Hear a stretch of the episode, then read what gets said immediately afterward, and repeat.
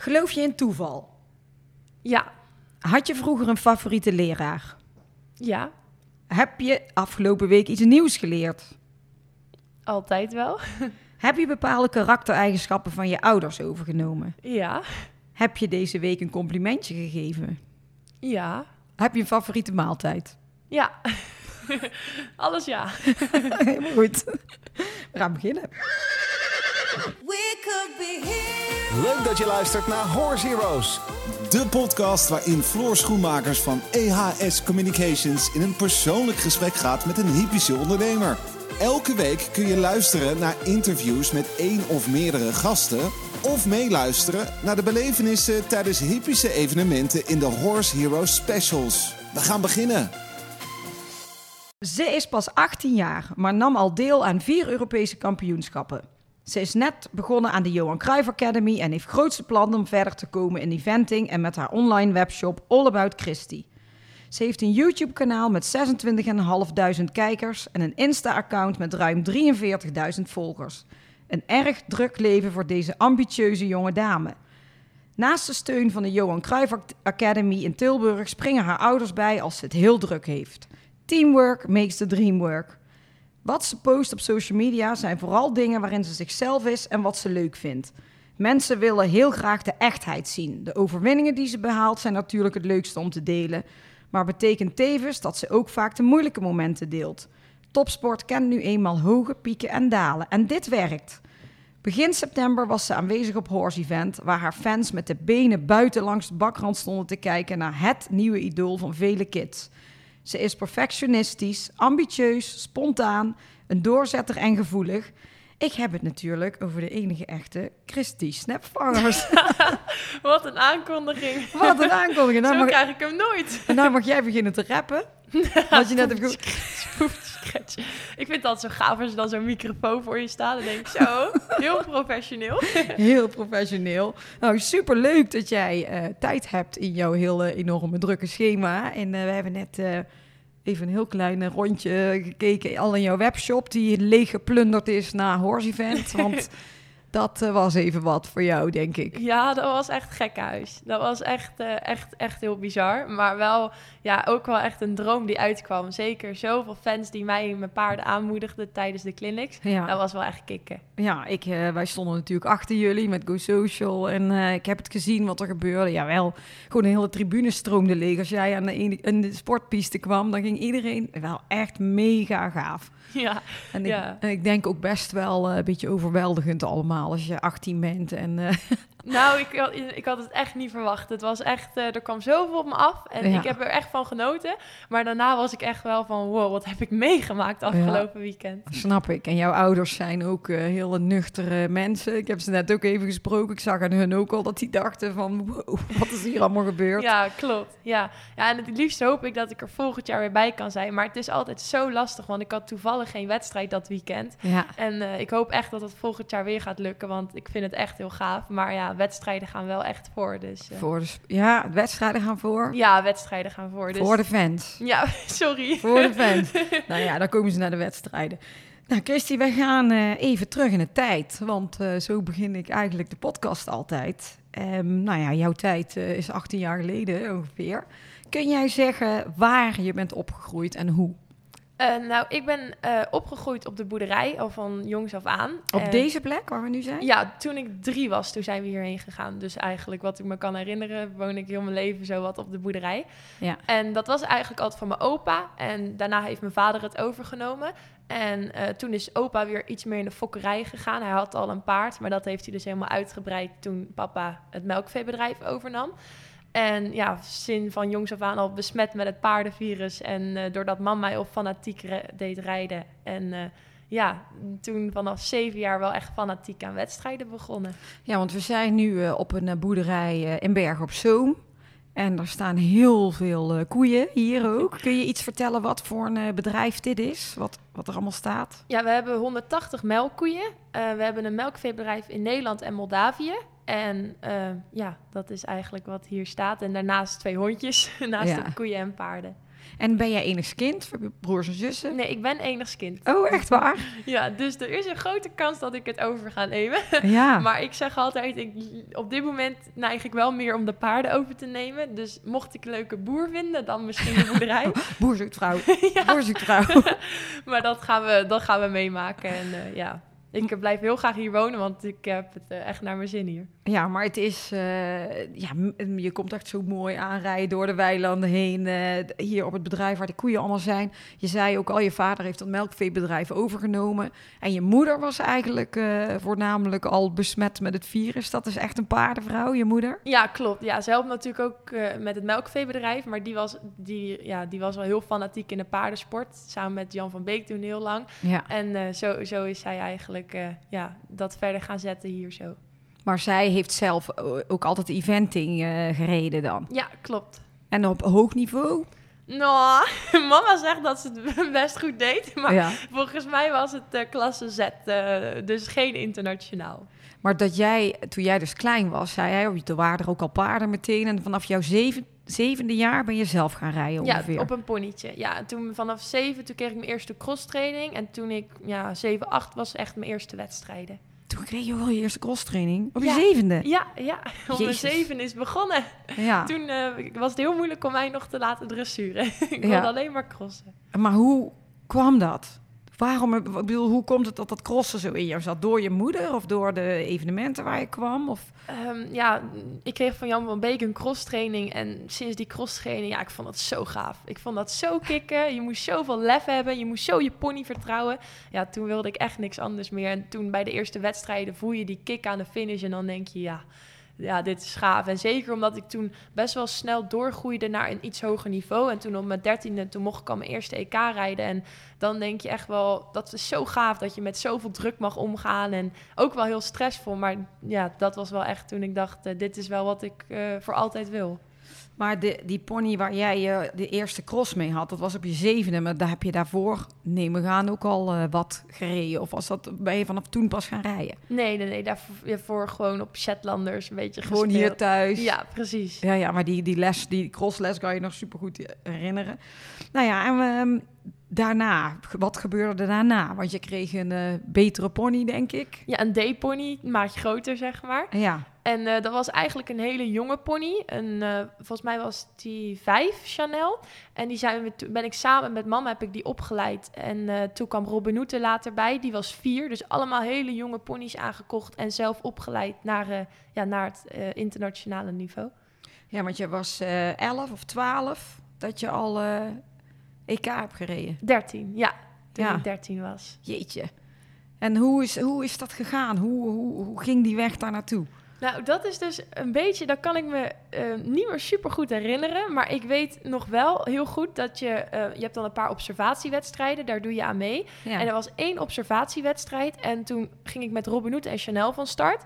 En toen weet ik nog dat eh, ik met Chanel in de cross, of met Robin Hood in de cross, toen kwam ik te val. En toen had ik heel veel last van mijn arm, maar ik wist niet zo goed wat het was. Dus ik moest daarna nog met Chanel en Chanel stond er heel goed voor. Hmm. Dus eh, toen ging ik naar de vrachtwagen en daar was mijn coach Jan van Beek. En die zei, eh, kan je trekken? Ik zei, ja, dat kan. Hij zei, dan kan je rijden. Dus ik Oh. op Chanel die cross gereden.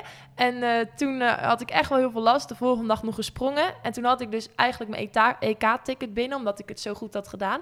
Maar toen op de terugweg naar huis langs het ziekenhuis gereden. En toen eh, had ik mijn sleutelbeen gebroken. Oh, jezus. Dus dat was een, een heel verhaal. En toen kon ik gelukkig, ehm, ja, had ik zes weken de tijd om te herstellen voor het EK zelf. Dus dat was wel een, eh, een gekke weg. Maar ja, eigenlijk mm, drie of vier internationale wedstrijden. En die gingen gewoon goed. En toen zat ik erbij. Ja. Dus ja, dat was, eh, ik, ja, ik weet ook niet hoe dat zo snel heeft, heeft kunnen gebeuren, zeg maar. Maar, maar Jan van Beek die heeft jou eigenlijk echt de heel, vanaf het begin van jouw start, vanaf je zo jong was, eh, eigenlijk ja, de, de, de boost aan jouw hele carrière gegeven. ja, zo, hè? ja, dat- die heeft gezorgd dat ik zo snel eigenlijk op het hogere niveau was. En daar ben ik er voor altijd dankbaar van. Want ik denk dat het een hele moeilijke stap is om aansluiting te vinden bij de top. Ja, Maar nu merk ik dat het heel moeilijk is om aan de top te blijven. Dat is nu wel echt het... eh, Dat is het volgende verhaal. ja. Maar ja, jij, was, eh, jij zei dat net wat je vertelde, hè, dat je eh, toen die selecties allemaal hebt gedaan, toen mocht jij de eerste keer naar het EK. Dat was in Hongarije. ja, klopt. En dan was het voor jou de eerste keer ook zover. eh, ja, eerste keer zover in het buitenland. En toen, hoe, toen was je 13. Toen was ik 13, ja. Ja, moet je kijken, wat gaaf. Ja, dat was heel gaaf. Maar ik weet ook wel dat ik toen bijvoorbeeld nog zo zenuwachtig was. Dat ik echt, ja, echt, echt in de ring, zeg maar. Maar eh, ja, dat is wel waar ik heel veel van geleerd heb. Ja, en dit was in 2017 Ja. ergens. En Jan was er ook. Ja, Jan was erbij om te coachen. Dus die volgde jou gewoon eh, overal heen. Ja, en toen in de cross gebeurde er heel veel. En toen eh, heeft hij mij wel echt gezegd van... Christy, met mes tussen de tanden vechten tot aan de finish. En toen ben ik foutloos gefinished. Dus dat was wel, eh, was wel echt een kick. En je ouders ook overal mee naartoe. Ja, die waren er ook bij.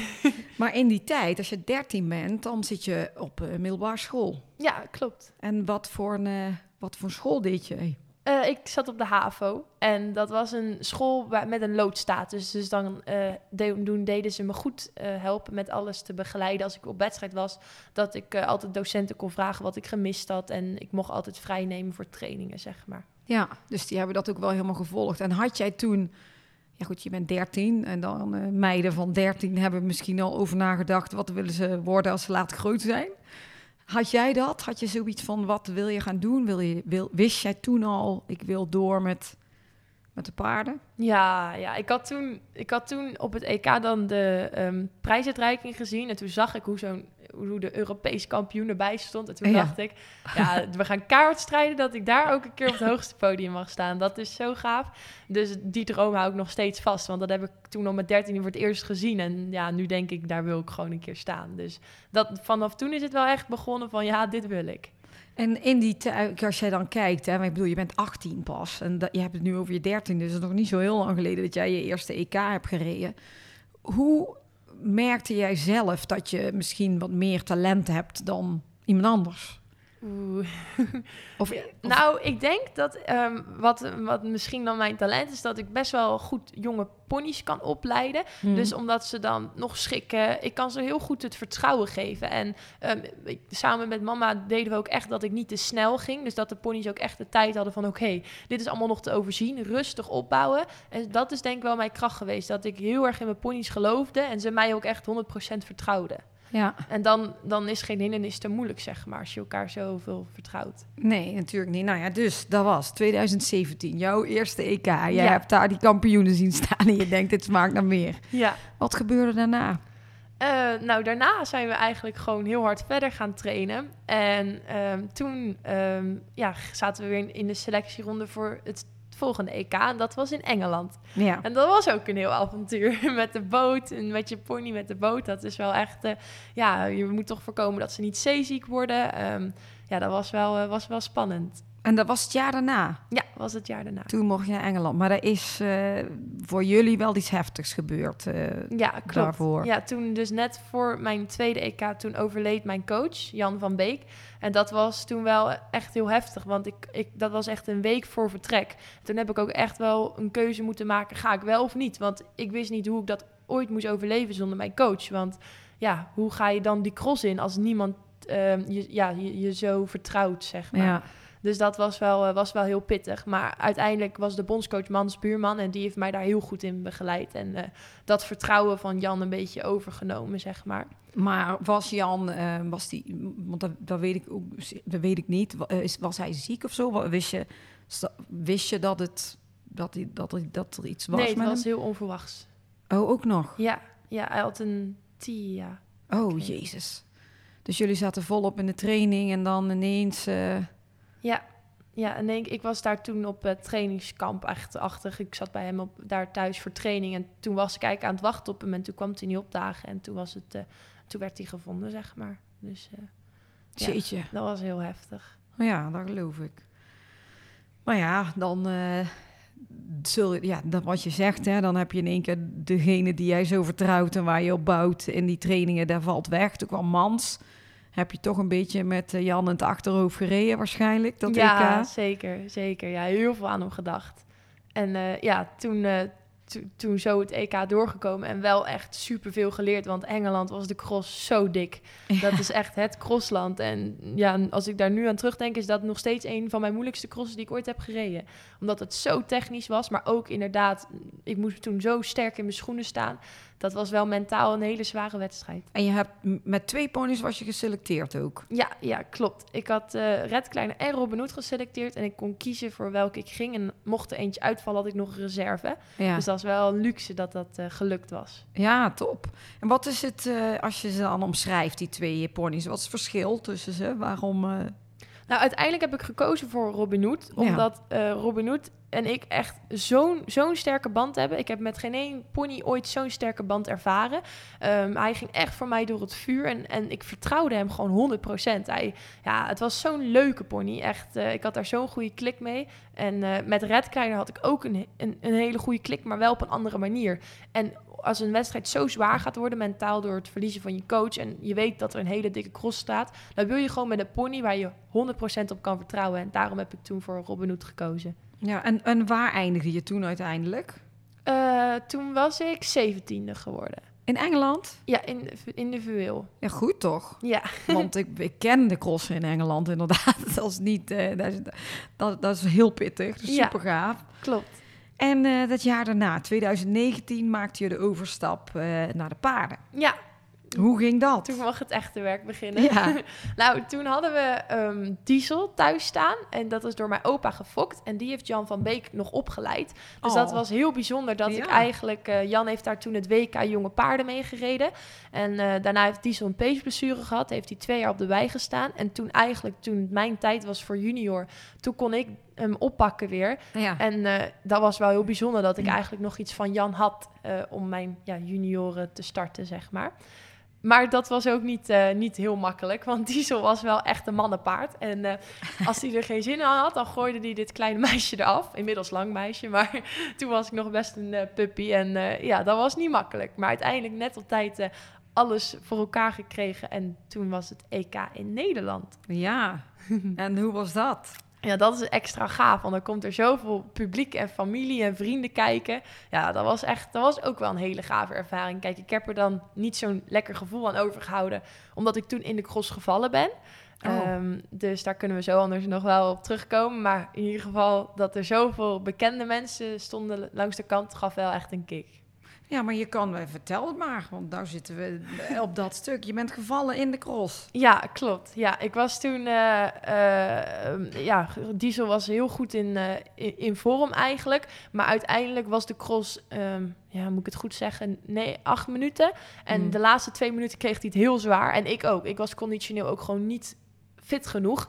En toen waren we allebei super moe. En toen kwamen we redelijk goed uit. Maar door vermoeidheid was het een heuvel op, een hindernis. Toen kon hij gewoon niet meer, omdat hij gewoon, we allebei te moe waren. En toen viel ik er heel lullig af. Eh, maar dat was wel echt wel, ja, tuurlijk, je traint er een jaar voor naartoe. Dus dat Ja. is mentaal verschrikkelijk.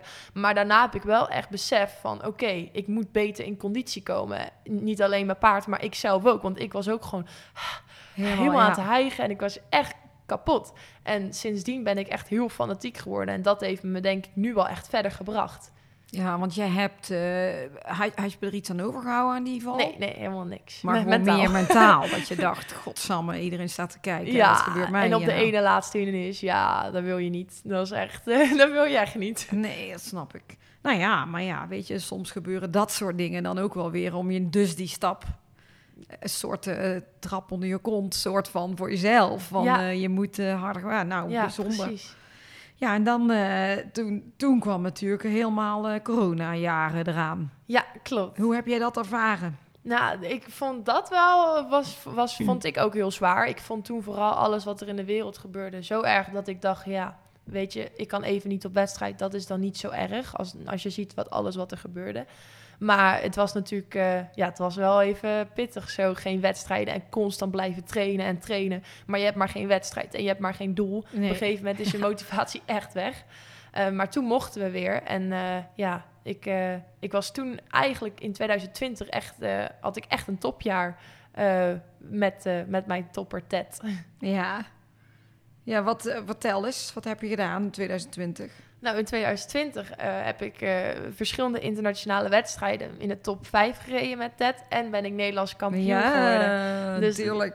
dus dat was wel echt eh, eigenlijk een van mijn beste sportjaren. Ja, snap ik. En hoe voelt dat eigenlijk op het podium? Ja, dat was, dat was heel leuk. Ik voelde me die wedstrijd wel sterk. Ehm, maar ja, je weet gewoon dat er heel veel goede andere junioren waren. En toen stond ik dus aan de leiding na de dressuur en de cross. En toen had ik het springen en ik mocht geen één fout maken. En dat was zo spannend. Echt, Ja. het was zo spannend. En toen was eh, degene voor me was foutloos. Dus ik wist, oké, nu moet ik echt, nu moet ik ook foutloos. En toen lukte dat. En als je dan over de finish komt, die ontlading, ja, was Ja, echt, mijn droom kwam uit toen. ja, mooi.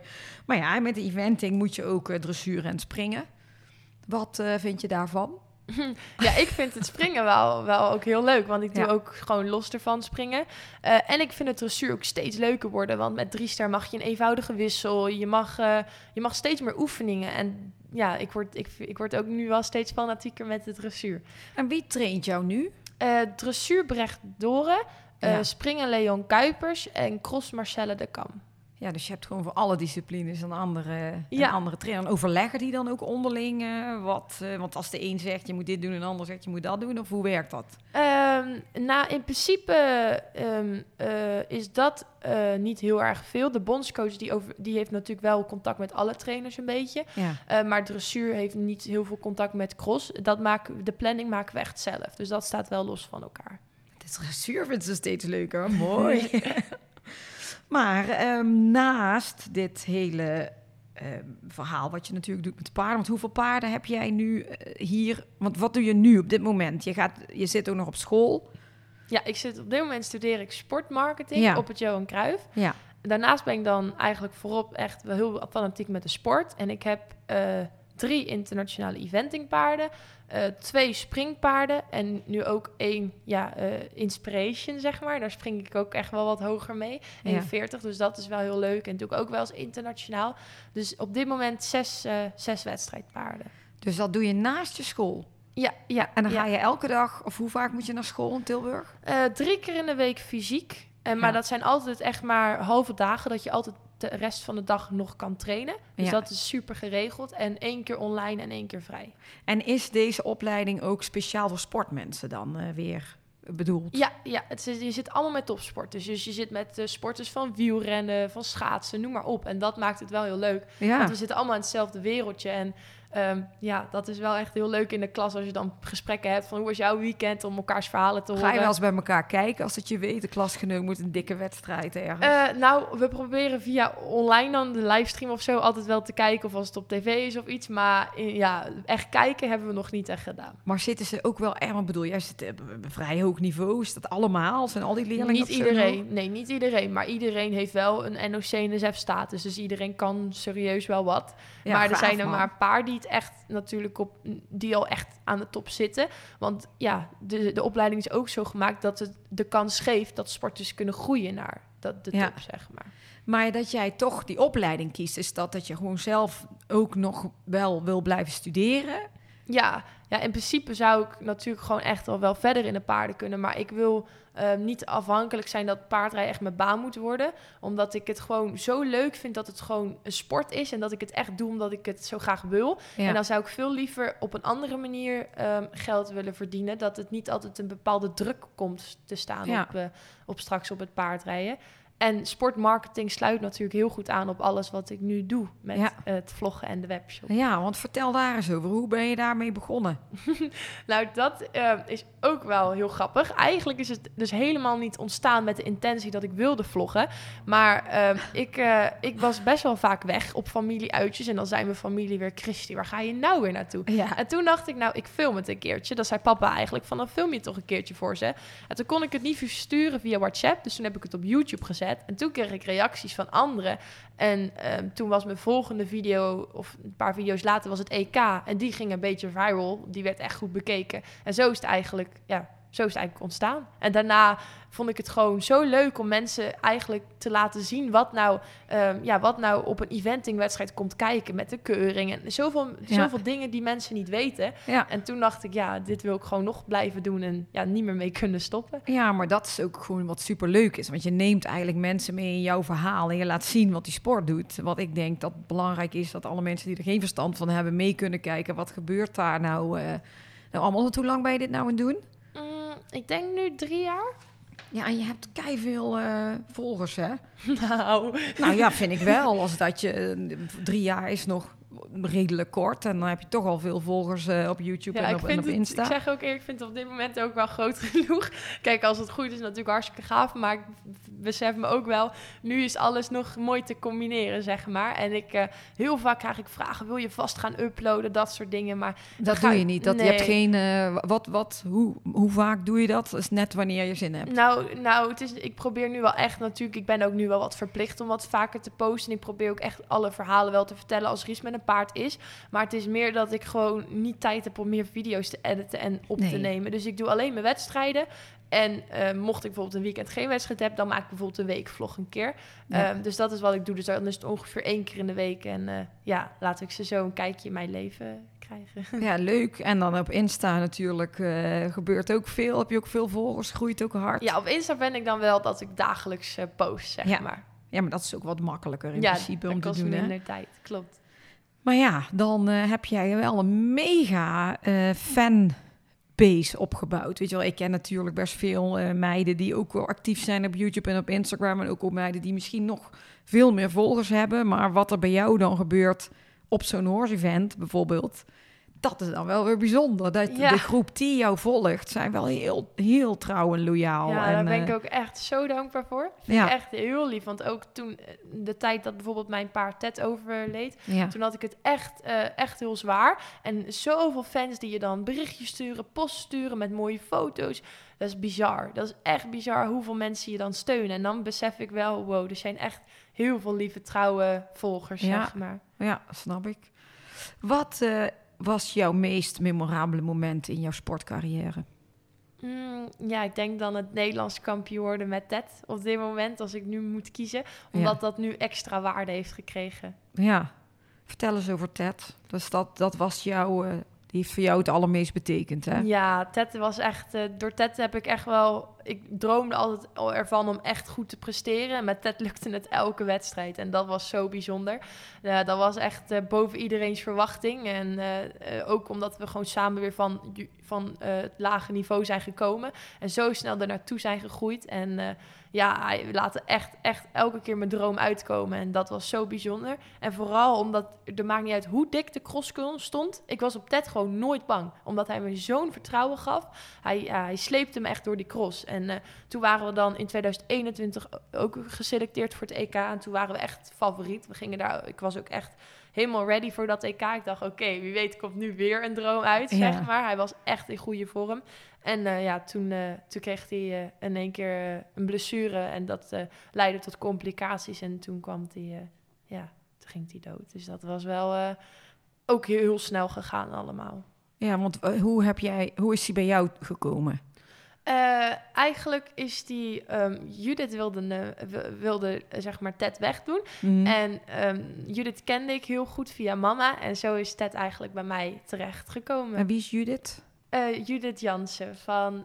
ja, dat is een vriendin van mama. Van JRS Ruitensport. Ja, ja, oh ja. En zo is die bij jou terechtgekomen. En Ja. jullie hadden meteen die klik. Ja, En ja, jeetje, ja, dan, en dat is inderdaad, dan heb je samen dingen meegemaakt. En dan dus in 2021. Maar hij, hij, kreeg een blessure en daar is hij nooit meer eh, van hersteld. Nee, toen eh, was er eh, een fout ontstaan in de kliniek. Bij, en dan, zo is hij eigenlijk overleden. Jeetje, Ja, dan heb je ook al wat pittige dingen meegemaakt. ja dat- maar vooral toen eigenlijk, dat was dus echt net voor het EK. En toen mocht, had ik nog een tweede paard geselecteerd, Galante. En die Mm. mocht toen mee naar het EK.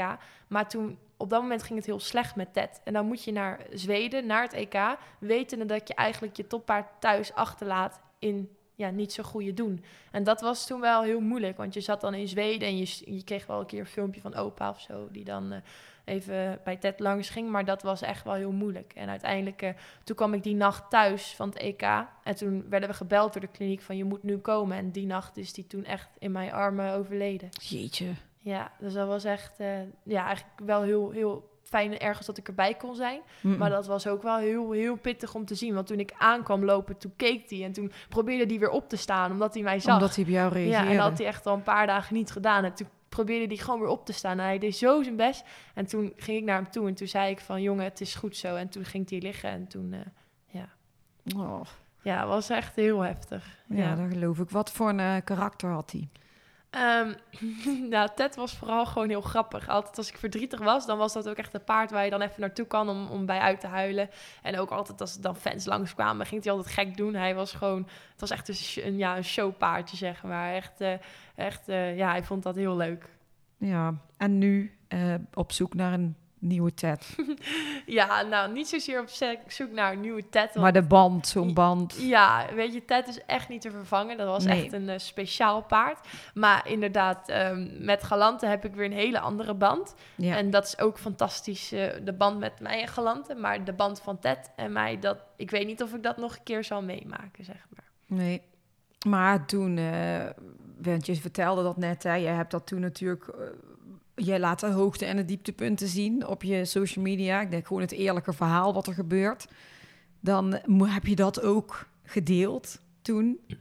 En dan Ja. krijg je heel veel, heb je heel veel steun gehad natuurlijk van eh, alle mensen. Ja, klopt. Ja, eigenlijk toen het, eh, toen, eh, toen het gebeurde, toen werd er in de pers al heel veel gedeeld op hoefslag, KNS, noem maar op, dat Ted was overleden. Omdat het natuurlijk op dat moment een, eh, in de sport een heel goed paard was. En toen kreeg, kreeg ik al zoveel berichtjes van, is het echt? Is het echt? En toen moest ik wel zelf ook met toch een soort van vlog komen. En eigenlijk ben ik heel blij dat ik die gemaakt heb. Want nu, zo um, eergisteren is dan een jaar geleden Ja. dat hij is overleden. Of gisteren, ik weet het eigenlijk al niet meer. Oh, is echt al, Ja, ja. ja, gisteren was het zo'n dag dat hij dan een jaar er niet meer is. Ja. En toen, eh, toen dacht ik van, eh, toen ging ik gewoon weer die vlog kijken. En dat, dat is zo mooi, want eigenlijk heb ik juist in die vlog alle mooie momenten laten zien samen. En dat is wel heel bijzonder om dan dat weer even bij stil te staan. En dan kijk je er nu verdrietig op terug of, of trots? Of hoe voel je je dan zo'n Ja, jaar nu later? kijk ik er wel echt trots op terug. Gewoon Ja. wat we allemaal bereikt hebben, dat was zo gaaf. Dus nu ben ik wel echt trots. En ik, en ik hoop gewoon dat hij nog steeds eh, mij volgt, zeg maar. Ja, maar mooi. En dan ehm, heb jij natuurlijk naast alles wat je op Instagram en YouTube en sport, alles, heb jij jouw webshop. Over sportmarketing gesproken. Ik bedoel, eh, je bent toch wel eh, goed bezig met, met marketing en promotie en, en sales en alles wat daarbij komt kijken. Hoe is dat eh, begonnen? Nou, dat is begonnen eigenlijk door een fan. Die stuurde een berichtje, heb je ook merchandise? Nou, ik wist dus helemaal niet wat merchandise betekende. dus ik moest dat googelen. En Toen kwam ik erachter dat het fankleding was. En eh, toen hebben we eigenlijk een vest eh, gedaan, dat ze konden personaliseren. Nou, dat ging zo hard. En toen, ehm Horeca was eigenlijk al mijn sponsor in het sport. En Ja. toen zijn Horeca, misschien kunnen we daarnaast ook samen wat leuke artikelen gaan ontwikkelen.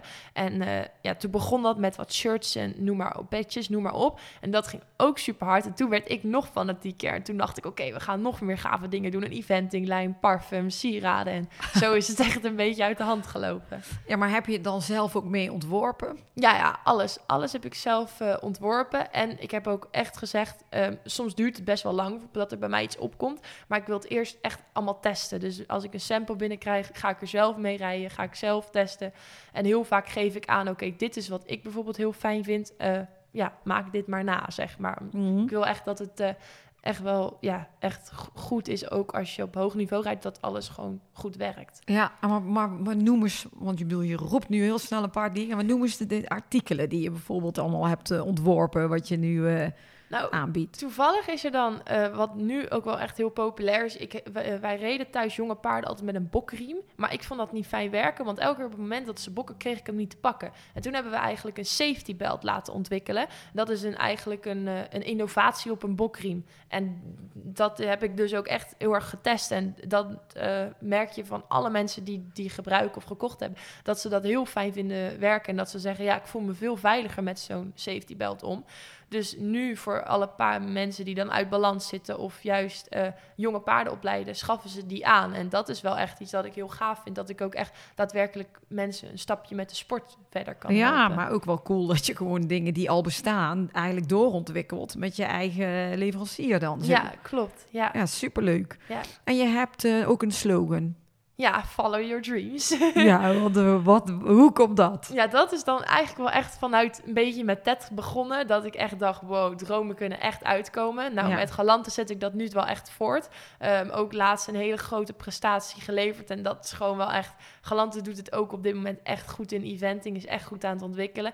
En dan dus laat ik in mijn vlogs ook zien dat je soms echt meer kan dan je zelf denkt. En Ja. toen dacht ik, ja, hoe mooi is het als je dat op je merchandise ook wel terug kan brengen.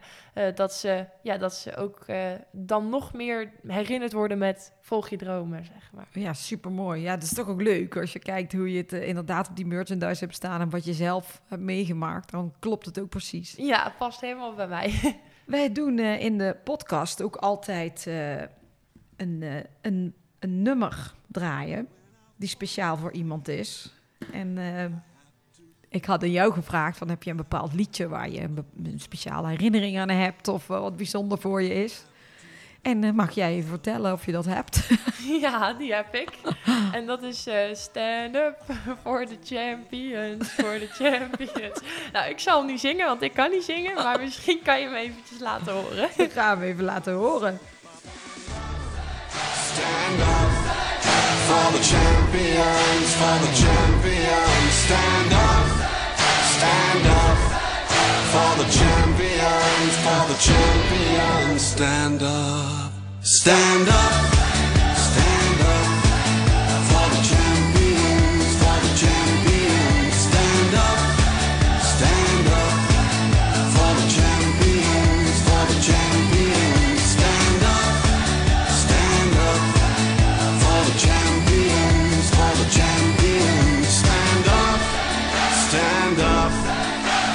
champions, for the champions. Stand up.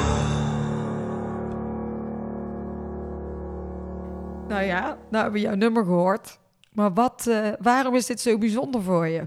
Nou, omdat dit eigenlijk is waar je elke wedstrijd voor werkt. Elke wedstrijd wil je in de eerronde dit liedje horen. En het is op heel veel wedstrijden dat ze deze aanzetten in de eerronde. En daarom is het eigenlijk een beetje mijn lievelingsliedje geworden. Want elke keer als ik won, draaiden ze hem en dacht ik, oh, dus zo gaaf. Dus ja, op dat moment is je gevoel elke keer heel groot natuurlijk als je dat liedje hoort. Dus zo is eigenlijk dat echt wel mijn lievelingsliedje geworden. dat jou gewoon jouw, eh jouw kikkerliedje als je weer eens een ereronde rijdt. Ja, precies. Is er eh, een paard die jij heel graag eh, zou willen rijden? Eh, Mag je uit alles kiezen? Ook of ze nog... Mag ook dressuur zijn, mag ook springen zijn, mag nog levend zijn. Maar gewoon benieuwd. Is er een speciaal paard die jij denkt... Wauw, dat had ik wel eens willen... Dat had ik wel eens willen voelen. Mm, ja, misschien, eh, misschien wel eh ehm, Fisher Chickmunk van Michael Youn natuurlijk. Want dat is gewoon, die heeft al heel veel gewonnen Ja. in de cross. Maar ik denk ook misschien wel in de springsport. eh, eh, ik was eigenlijk altijd heel lang ook fan van Clooney. Dus eh, dat had ik toen ook wel heel gaaf gevonden. Leuk. En ik had, eh, voordat ik naar jou toe ging, in mijn stories gezegd van, eh, dat ik naar Christy ging of iemand nog vragen had. En er kwamen een heleboel vragen binnen van, eh, van allemaal mensen die ons volgen. Dus ik, vind, dat ik zit hier even doorheen te scrollen wat grappige vragen waren. Dus ik ga even een paar van die vragen aan jou stellen. Een van de vragen is, wat vind jij het moeilijkste aan eventing? Mm, ik denk dat het inderdaad de uitdaging is dat het drie onderdelen is. Dus dat je paard daadwerkelijk in alle drie goed moet zijn. En ik heb heel vaak wel eens paarden die zijn dan in twee goed en dan moet je op de andere rand heel hard hameren. Dus dat maakt echt wel de uitdaging. Je moet in alle drie de onderdelen goed zijn, want anders sta je aan het eind van de streep niet bovenaan. Nee, en je moet het ook dus eigenlijk alle drie wel leuk vinden. Ja, ja. Proberen. Nee, dat klopt, dat klopt. En hier vraagt ook iemand, vind ik wel grappig, van, eh, van, je, van Christy, je bent echt zo'n natuurtalent achter de camera. Is dat altijd zo geweest? Of heb je ook een periode gehad waarin je je een beetje schaamde en het lastig vond om te vloggen? Ehm, nou, ik moet zeggen, ehm, eh, toen ik begon, toen dacht ik, dacht ik echt, nou, daar kijkt toch niemand naar. Maar toen later werd het steeds meer bekeken. En toen Ja. vond ik het wel een beetje gênant. Want ik, ja, als je mijn eerste vlog ziet, ik zou het liefst willen verwijderen. Maar dan denk ik, ja, van de andere kant, weet je, het is wel waardoor ik hier ben gekomen. Ehm, dus ik had nog geen verstand van een camera of hoe het werkte. Ik, eh, maar dat is, ja, als je eraan terugdenkt, nu is het wel grappig. Maar toen, op de middelbare school, tuurlijk zetten ze een keer je filmpje in de klas aan voor de grap. Maar uiteindelijk hebben ze daarna ook allemaal... Wilden ze, zeg maar, als je dan een jaar later... toen ging ik vloggen en dan wilden ze er allemaal op. Wilden ze allemaal getagd worden. en dus dat verandert heel snel. Dus Ja. je moet je nooit eh, laten beïnvloeden door anderen. Want eh, nu is het echt, ja, nu willen ze er heel graag bij zijn altijd. Ja, precies. Goed antwoord. Waar komt de naam Millstream vandaan? Ah, dat is ook een goeie. Eh, het gebied hieromheen heet Molenbeek. En dat hebben ze, heeft opa letterlijk naar het Engels vert- laten vertalen, omdat hij dat zelf niet kon. En toen kwam Millstream eruit, want opa had een eh, bedrijfsnaam nodig voor het melkveebedrijf. En Ja. zo is het Millstream geworden en dat heeft hij toen voortgezet in de paarden. Supergoed, ja, want ik dacht het ook van Millstream. Want eh, inderdaad, het komt natuurlijk overal voor. Het staat hier super groot op de, op de, op de gevel ook. Maar Ja. wel een sterke naam. We gaan naar een, eh, nog een ander deel in de, in, de, in de podcast. Dat is de vragenpot. dus dan heb ik hier een pot. Dat vroeg jij al. Wat ga jij daarmee doen? Er zitten vragen in. En die mag jij eh, er een uithalen Spannend. en voorlezen. En dan staat er dadelijk, wat is je verborgen talent? Nee. Eens kijken. Hoe denk je dat anderen jou zien als je ze je voor het eerst ontmoeten? Eh, poef. ik zou het niet weten. Zouden we aan anderen moeten vragen. Hoe dacht jij toen je mij voor het eerst ontmoette? Ik dacht, jeetje, wat een spontaan, eh, blij mens, dacht ik. ja, dat dacht ik. nou, dat is... Dus dat, dus heb ik het antwoord gegeven. Op jou. Doe, zou ik er nog eentje doen? ja, zeker, nog een paar. Zal ik, de zal ik deze ga ik proberen zelf te beantwoorden. Tegen wie kijk je op? Ehm, ja, ik kijk tegen zoveel mensen op, maar ehm, ja, ik zou, ik zou heel graag ehm, zo, ehm, zo elke wedstrijd zo goed kunnen presteren. En dat kunnen er een paar, zeg maar. En dat vind ik, daar kijk ik wel heel erg tegen op. Dat ze elke wedstrijd weer eh, weten bovenaan te staan. Ja, dat is je gewoon een hoofd zo... eh, ja, ja, dat vind ik gewoon zo knap hoe ze dat, eh, hoe ze dat kunnen. ja, Oké, we hebben er nog eentje. Maakt geld gelukkig? nou, nee. Doe mij maar een paard in plaats van eh, geld. ja, maar een paard. Gewoon een paard van opa en eh, waar je heel veel van afvalt, maar waar je uiteindelijk ook mee kan winnen. Dat Ja, vind ik, precies. eh, dat, daar word ik gelukkig van. Maar jij bent nu hartstikke jong nog, hè? Je bent 18. Als je nou vijf jaar verder bent, ja, waar droom jij van? Dat vind ik dus altijd heel lastig. Want ik weet in de sport natuurlijk precies waar ik van droom. Eh, dat is military boekelo rijden, naar WK's, noem het maar op. Maar eh, verder vind ik het heel lastig om te bepalen. Ehm, ik weet niet zo goed wat ik verder nog wil. Natuurlijk hoop ik, nu vind ik het vloggen echt heel tof. Dus hoop ik daar nog steeds misschien mijn video's wat professioneler te kunnen maken. Maar van de andere kant, ehm, dan moet ik daar ook wel de tijd voor gaan nemen. Dus ja, Maar je doet het allemaal zelf, hè? ja, klopt. Dus dat is echt veel. En school en al die sportpaarden. En zo op hoog Ja. niveau in de sport. En dit vloggen. En wel knap. Ja, nee, klopt. Maar ik vind het ook... Ik heb wel eens aanbod gekregen om iemand anders mijn video's te laten editen. Maar ik vind het zo leuk om zelf te doen. Omdat ik precies weet wat ik wil overbrengen in de video's.